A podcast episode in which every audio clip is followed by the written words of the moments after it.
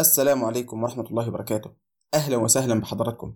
معاكم عبد الله خلف وحلقة جديدة من بودكاست قهوة سادة.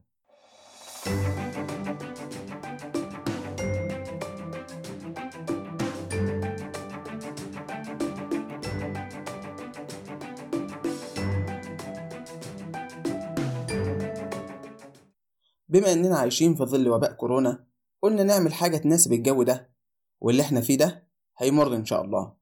أقول لكم على حاجة أيامنا دي هتبقى تاريخ وبما إن اللي إحنا فيه ده هيمر زي ما مرت حاجات كتيرة قبل كده قلت أنا كمان أفتح كتاب التاريخ وأشوف قال إيه عن اللي سبقونا وإيه اللي مر عليهم زي اللي إحنا فيه وأحاول أنقله لحضراتكم.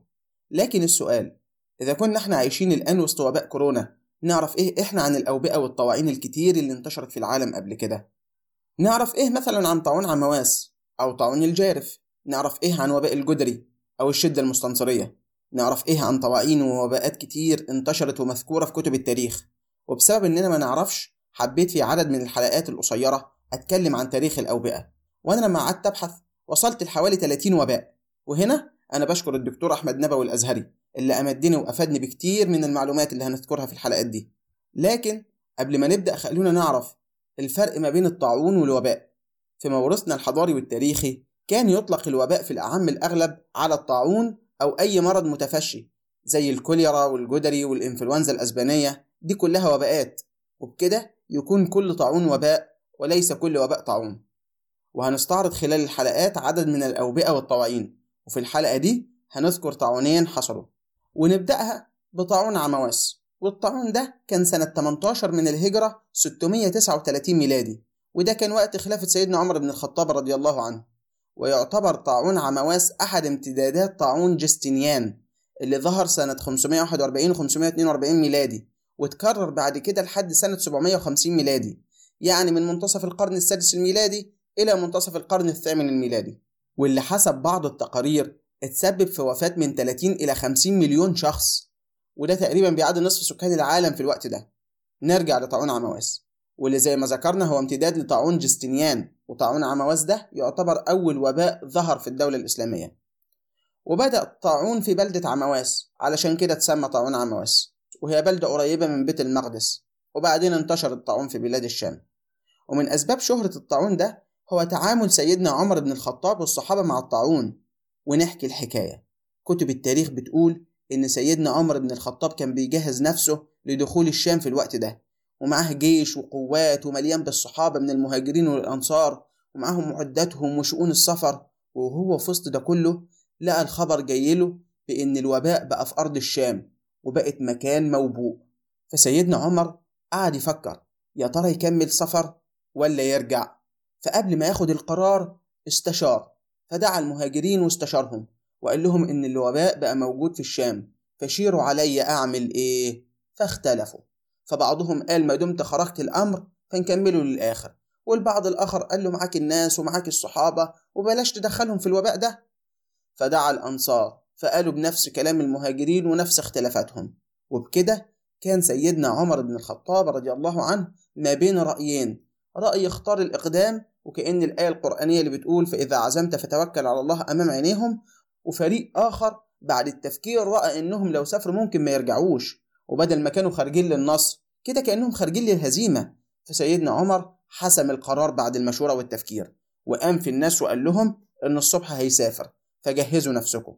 لكن الأمر ما وقفش عند الحد ده. وبدل ما كانوا ينصرفوا عشان يتجهزوا زي ما طلب سيدنا عمر إلا إن أحد الصحابة قال تعليق خلى الجميع ينتبه. التعليق قاله سيدنا أبو عبيدة بن الجراح. قال لسيدنا عمر أفرارا من قدر الله؟ فرد عليه سيدنا عمر وقال له لو غيرك قالها يا أبا عبيدة نعم نفر من قدر الله إلى قدر الله. والقصة برضو ما بتنتهيش هنا كأن فاضل لسه شيء. فبعد رد سيدنا عمر على سيدنا أبو عبيدة دخل عليهم سيدنا عبد الرحمن بن عوف وما كانش موجود في النقاش من أوله. لكنه قال القول الفصل قال إن عندي في هذا علما. سمعت رسول الله صلى الله عليه وسلم يقول إذا سمعتم به بأرض يقصد الطاعون يعني فلا تقدموا عليه وإذا وقع بأرض وأنتم بها فلا تخرجوا فرارا منه. فسيدنا عمر حمد ربنا ورجع واللي كانوا معاه للمدينة المنورة. واللي حصل ده نقدر نسميه بمفهومنا إحنا دلوقتي الحجر الصحي. وبعد انحصار طاعون عمواس وانتهاء موجة الوباء خرج سيدنا عمر بن الخطاب من المدينة المنورة وراح لبلاد الشام. ولما وصل قسم الأرزاق والطعام ولأن سيدنا عمر عبقري في موضوع الإدارة فهو قسم المواريث كمان. خاصة إن مواريث اللي ماتوا الأمر احتاروا فيها. ما بقوش عارفين يعملوا إيه في المواريث بسبب كثرة الموتى. لكن سيدنا عمر حلها الحمد لله وطابت قلوب المسلمين بقدوم سيدنا عمر عليهم.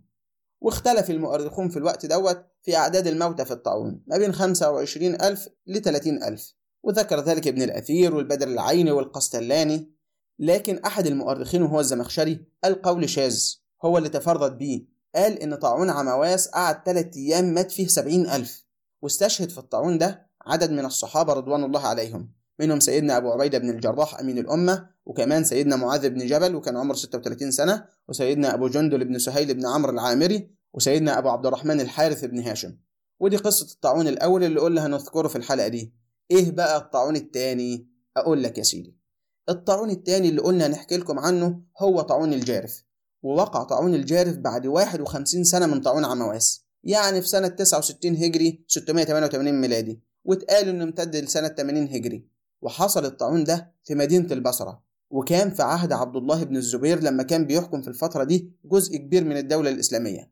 وكانت البصرة تحت رعايته. وسبب تسميته بالجارف لكثرة الأموات اللي ماتوا فيه. ده اتذكر في كتب التاريخ إنه كان ثلاث أيام ومات في كل يوم سبعين ألف. يعني خلق ياما ماتوا. ده اتقال كمان في كتب التاريخ إن الإمام أنس بن مالك في طاعون الجارف مات له 80 ولد أو 70 على اختلاف الروايات واتقال كمان إنه مات لعبد الرحمن بن أبي بكرة 40 ولد طبعا بيقصدوا الأولاد والأحفاد. ومات لصدقة بن عامر المازني في يوم واحد سبع أولاد وده يورد لحضراتكم الأثر القاسي اللي وقع على نفوس الناس اللي عاشت في الفترة دي. وقلت الناس جدا بالبصرة لدرجة إن أم الأمير ماتت فما لقوش حد يدفنها. فاستأجروا لها أربعة عشان تدفن. ومن الطبيعي إذا كانت الأعداد المذكورة بالشكل الكبير ده فمن الطبيعي إنهم يكونوا عاجزين عن دفن الأموات. ده من قلة الأحياء اللي أدى لإن الناس ما تدفنش الأموات خلى الوحوش من الكلاب والسباع والحيوانات اللي بتاكل اللحم كانت بتدخل البيوت فبتاكل الأموات اللي ما اتدفنتش. ده في قصة كمان بتذكر في كتب التاريخ إنه لما كان يوم الجمعة طلع الخطيب على المنبر ولما جه يبدأ في الخطبة ما لقاش في المسجد إلا سبع رجالة وسيدة. فقال لهم الناس راحت فين؟ فالسيدة ردت عليه وقالت له تحت التراب. ومن ضمن المآسي اللي حصلت في طاعون الجارف إنه مات عشرين ألف عروسة ومات فيها عدد من العلماء ومن أشهرهم عالم النحو أبو الأسود الدؤلي وقبيصة بن حريص الأنصاري. دي كانت لمحة عن وبائين وقعوا هتلاقوهم مذكورين في كتب التاريخ. الحلقات اللي جاية إن شاء الله هنتكلم عن وباءات تانية حصلت. وفي الفترة دي يا ريت نسمع كلام الأطباء ونلتزم بالتحذيرات علشان ما نتصابش بأي شيء وكمان عشان نحافظ على سلامة اللي حوالينا. نشوفكم على خير وخلي بالكم من نفسكم.